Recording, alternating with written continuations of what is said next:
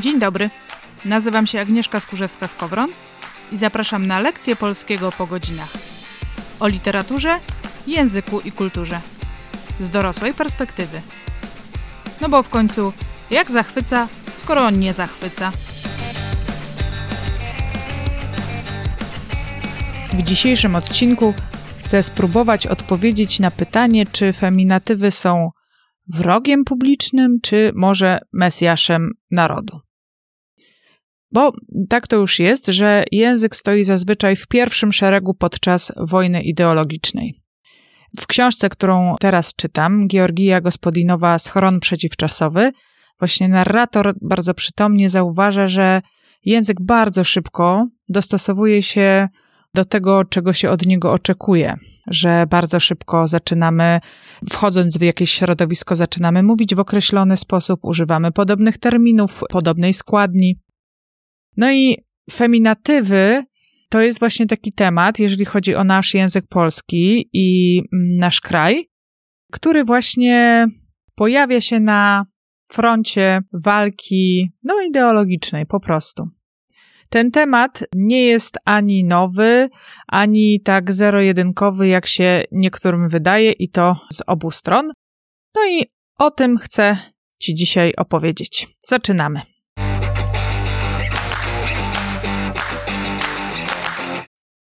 Zanim dojdziemy do feminatywów, to trzeba parę rzeczy wyjaśnić. I pierwszą taką rzeczą, którą chcę wyjaśnić, jest rodzaj gramatyczny. Język polski należy do grupy języków indoeuropejskich. W tejże grupie istnieje taka kategoria gramatyczna jak rodzaj, która jest podporządkowana płci.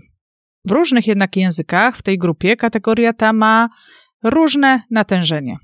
Z kolei w innych grupach językowych kategoria rodzaju gramatycznego w ogóle nie istnieje. Nie mają jej na przykład język turecki czy węgierski. W języku polskim mamy rodzaj męski, żeński i nijaki w liczbie pojedynczej oraz męskoosobowy i niemęskoosobowy w liczbie mnogiej. Rzeczowniki mają ustalony rodzaj, pozostałe części mowy przyjmują rodzaj w zależności od rzeczownika, wespół z którym istnieją w wypowiedzi. Dla porównania, na przykład w języku francuskim, włoskim i hiszpańskim jest tylko rodzaj męski i żeński, a w językach szwedzkim i duńskim mamy rodzaj realny, męsko-żeński i nijaki.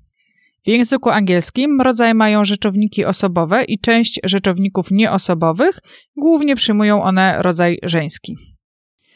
Żeby jeszcze ubarwić albo skomplikować sprawę, e, można dodać, że w ogóle języki różnią się nie tylko słowami, czy tym, w jaki sposób zbudowane jest zdanie, ale również kategoriami gramatycznymi właśnie, do których oprócz rodzaju należą czas, liczba, strona, tryb. I na przykład Indianie kwakiutl mają kategorię gramatyczną, która określa, czy dana rzecz jest widzialna, czy niewidzialna. A z kolei Inuici w swoich językach mają kategorię gramatyczną określającą wielkość obiektu, o którym się mówi. I tych kilka przykładów pokazuje nam już, że nie może być mowy o jakimś obiektywnym, uniwersalnym dla wszystkich systemie językowym. Kategorie gramatyczne zaś, jak mówi Sapir, są nie tyle odkrywane w doświadczeniu, a nakładane na nie. Przy czym y, następuje tu w pewnym sensie sprzężenie zwrotne, bo kultura i normy społeczne kształtowane są przez język, ale również i one wpływają na to, w jakim kierunku język się rozwija i zmienia. I dlatego takiego kunsztu wymaga się od tłumaczy, bo oni nie tylko przekładają słowa, ale w ogóle sposób myślenia i istnienia w języku. Wystarczy chociażby wspomnieć, że niektóre słowa mają inne rodzaje gramatyczne w różnych językach. I na przykład angielskie porównywanie statku do kobiety, bo ship ma rodzaj żeński, nijak się ma do słowa polskiego, który ma rodzaj męski. I to tyle wstępu o rodzaju gramatycznym i pora na kolejny, drugi wstęp.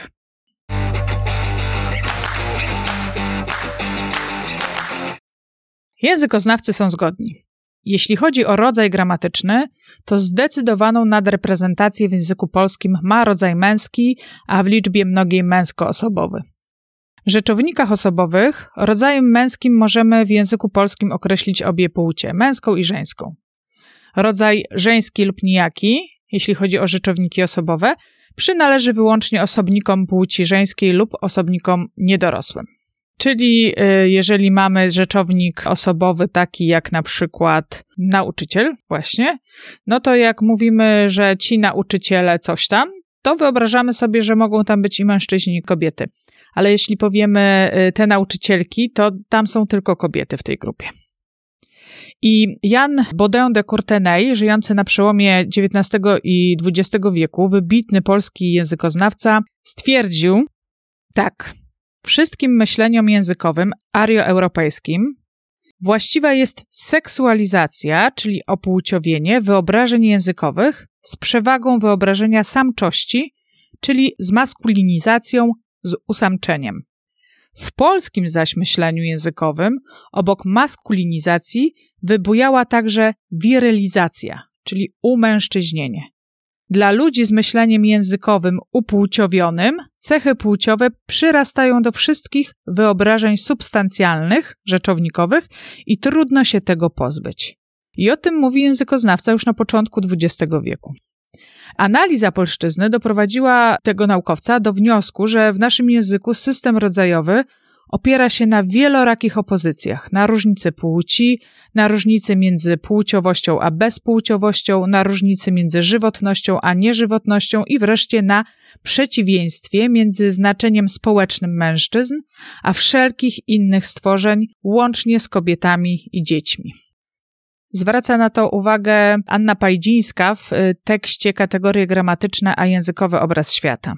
Od razu chciałam zaznaczyć, że to, o czym teraz piszę, to nie jest jakaś lewacka propaganda, a po prostu fakt językowy. Tak jest. Dlaczego i skąd to się mogło wziąć kulturowo, nie wyjaśniam w tym tekście. W transkrypcji tego odcinka podaję również literaturę przedmiotu i można sobie tam zgłębić i poczytać dalej. To jest bardzo ciekawa lektura i oczywiście nie wyjaśnia wszystkich zagadek i wątpliwości. Natomiast wracając do naszego tematu, jeszcze chciałabym ten fragment artykułu Anny Pajdzińskiej zacytować. Ona pisze coś takiego. Za androcentryzmem polszczyzny przemawiają różnorodne dane językowe. Nie tylko istnienie opozycji między rodzajem męskoosobowym a niemęskoosobowym, nazywanym wcześniej również żenisko-rzeczowym, wymienię tylko kilka poświadczeń gramatycznych, na boku zupełnie zostawiając leksykalne. Na przykład rzeczowniki osobowe rodzaju żeńskiego nazywają tylko kobiety, a odpowiadające im rzeczowniki rodzaju męskiego mężczyzn lub przedstawicieli obu płci. Czyli możliwe są ich użycia generyczne. Prawa i obowiązki pacjenta, karta praw nauczyciela, Polak potrafi i tym podobne.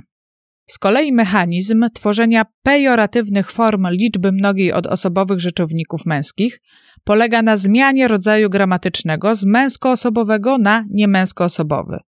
Studenci studenty, dyrektorzy dyrektory, inteligenci inteligenty. A tak zwane rzeczowniki dwurodzajowe typu niedojda, fajtłapa, niedorajda, łamaga zyskują silniejsze nacechowanie negatywne jeśli w odniesieniu do mężczyzn są używane w rodzaju żeńskim, wyrażanym środkami składniowymi.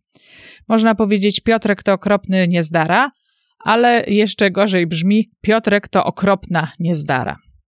Język polski jest językiem, w którym świat opisywany jest w kategoriach płciowych z naciskiem na wirylizację rzeczowników.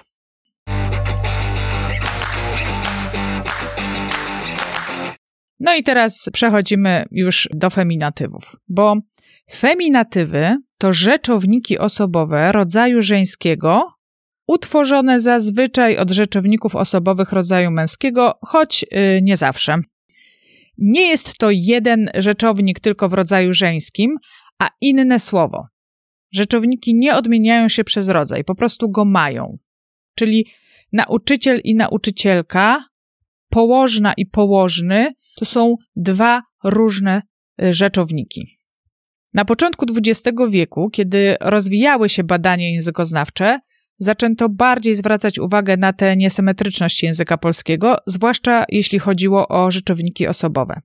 I językoznawcy postulowali większą symetryczność w tym zakresie i zachęcali do tworzenia feminatywów wszędzie tam, gdzie kobiety podejmowały jakieś zawody, lub funkcje dotychczas określane jako męskie.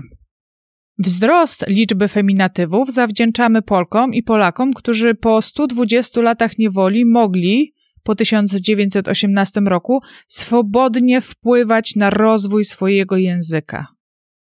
Bo to też jest bardzo istotne i należy o tym pamiętać, że do tego 1918 roku, od y, końca XVIII wieku, Polacy naprawdę nie mieli znaczy, ważniejsze było zachowanie w ogóle języka polskiego, posługiwanie się nim, niż no, skupianie się na trochę takich drobnostkach jak feminatywy.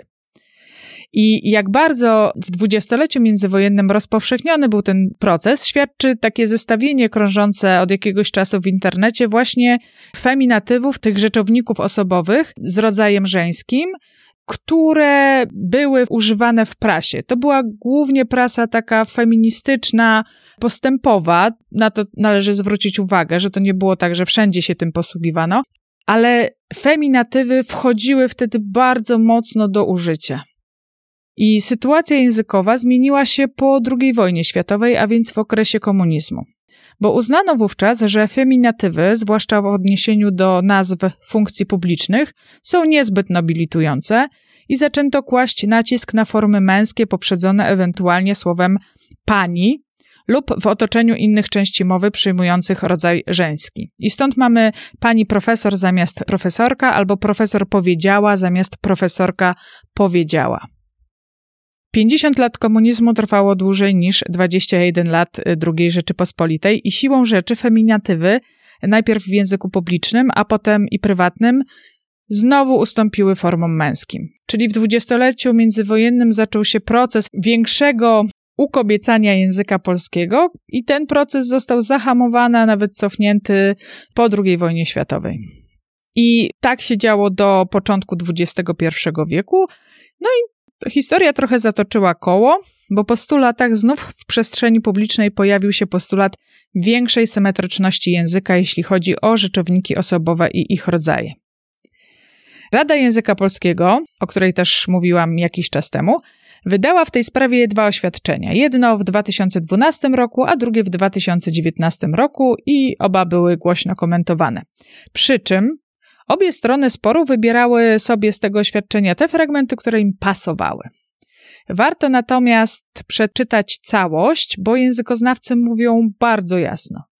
Jest niesymetryczność, jest potrzeba, by to zmienić, istnieją inne zabiegi językowe wskazujące na płeć niż tylko rodzaj i one także są w życiu. A czas pokaże, co się przyjmie. Zdecydują zaś o tym sami użytkownicy języka. Tu zadziała mechanizm stary jak świat. Im częściej feminatywy będą używane w przestrzeni publicznej przez osoby znane i lubiane, tym bardziej będą się one upowszechniać. I niezależnie od tego, jak dziwnie niektóre formy brzmią teraz w naszych uszach.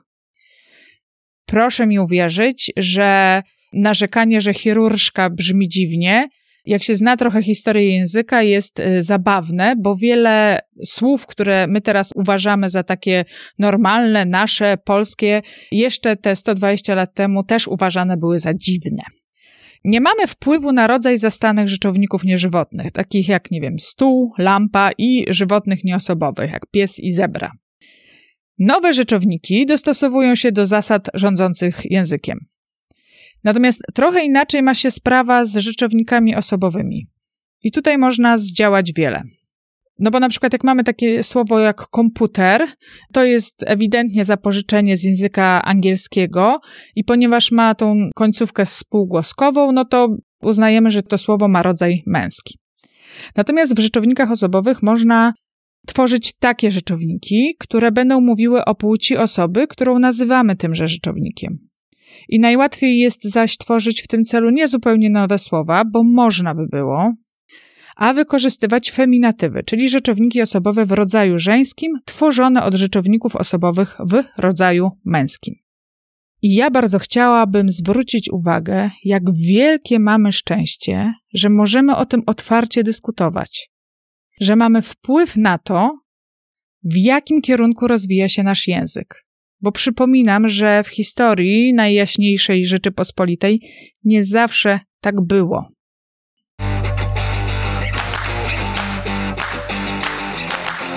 No i co dalej z tymi feminatywami? Zamiast przelewać krew w imię stosowania bądź nie feminatywów, po pierwsze cieszmy się, że możemy w swoim języku i o swoim języku mówić swobodnie. Ja sama jestem ciekawa, w jakim kierunku pójdzie język. Musisz wiedzieć, że jedną z tendencji rozwojowych języka, tak ogólnie, nie tylko polskiego, jest dążenie do prostoty i jasności komunikatu. Wydaje się więc, że forma profesorka jest dla języka korzystniejsza niż pani profesor, bo krótsza i jednoznaczna. Z drugiej strony, nie ma wątpliwości, że język wyraża pewien stosunek do świata. I obecnie postulat używania feminatywów wpisuje się w ogólną tendencję do przywracania albo tworzenia od początku równości istotowej, społecznej, kulturowej i językowej między mężczyzną i kobietą. Jednym się to podoba, innym nie. Dla jednych pani profesor brzmi poważniej niż profesorka, inni będą używać tej formy mimo wszystko, dążąc do jej odinfantylizowania. Nie ma jednak sensu, akurat w przypadku feminatywów, powoływanie się na to, że coś dziwnie brzmi, że czegoś nie było wcześniej w języku i tym podobne, że coś jest niepoprawne. To jest wszystko kwestia naszego używania języka, o czym już wcześniej wspominałam. Zła wiadomość dla przeciwników feminatywów jest taka, że no one nie znikną z języka. Chyba, że tak jak w PRL-u nastąpi odgórne narzucanie innych form. Zła wiadomość dla zwolenników feminatywów jest taka, że język ma różne sposoby na określenie płci, nie tylko za pomocą rodzaju gramatycznego i to się nie zmieni. Chyba, że tak jak w PRL-u nastąpi odgórne zakazywanie tych innych form. A na koniec, wracając do początku, czyli zataczając koło, i odpowiadając na to pytanie, czy feminatywy są wrogiem narodu, czy mesjaszem, ja uważam, że feminatywy ani nie stanowią zagrożenia, ani same nie zmienią naszego myślenia. Moim zdaniem więcej uwagi powinniśmy poświęcać wyrugowaniu z języka publicznego słów uważanych za obraźliwe, naznaczających, wzbudzających negatywne nastawienie. I dla mnie to jest wielkie niebezpieczeństwo, zarówno dla języka, jak i dla społeczeństwa. A feminatywy? Cóż, ja proponuję wziąć pod uwagę, owszem, swoje odczucia, swoje przekonania, ale również stając wobec drugiego człowieka, wziąć pod uwagę to, co on do nas mówi. I oczywiście nie zawsze musimy się z tym zgadzać. Czasami może nam być trudno, ale już jakby zauważenie, że jakaś kobieta chce, żeby o niej mówiono profesorka, a nie pani profesor, to już jest y, duży krok do tego, żeby po pierwsze zauważyć tego drugiego człowieka, żeby zauważyć tą drugą osobę. Zachęcam Cię do takiego świadomego używania języka, do tego, żebyś się zastanawiała i zastanawiał, dlaczego tak mówię. I czy to jest zgodne z moimi przekonaniami, i czy chcę tak mówić, czy przypadkiem nie chcę czegoś zmienić, bo być może nie, ale może tak. Zachęcam również do tego, żeby zajrzeć do transkrypcji tego odcinka. Tam właśnie, tak jak mówiłam, podałam odnośniki do różnych tekstów. Część z nich jest y, online, więc można sobie poczytać, pogłębić ten temat. No i zachęcam w ogóle do zaglądania na stronę Wianki Słów. Tam dużo ciekawego się dzieje, a różne takie ciekawostki językowe i ciekawostki ze świata literatury raz w miesiącu przesyłam do subskrybentów newslettera Wiankołaki, więc jeżeli chcesz się zapisać, to również na stronie podcastu, jak zachwyca, jest link do zapisu. Bardzo serdecznie zachęcam, a my słyszymy się już w następnym odcinku. Do usłyszenia.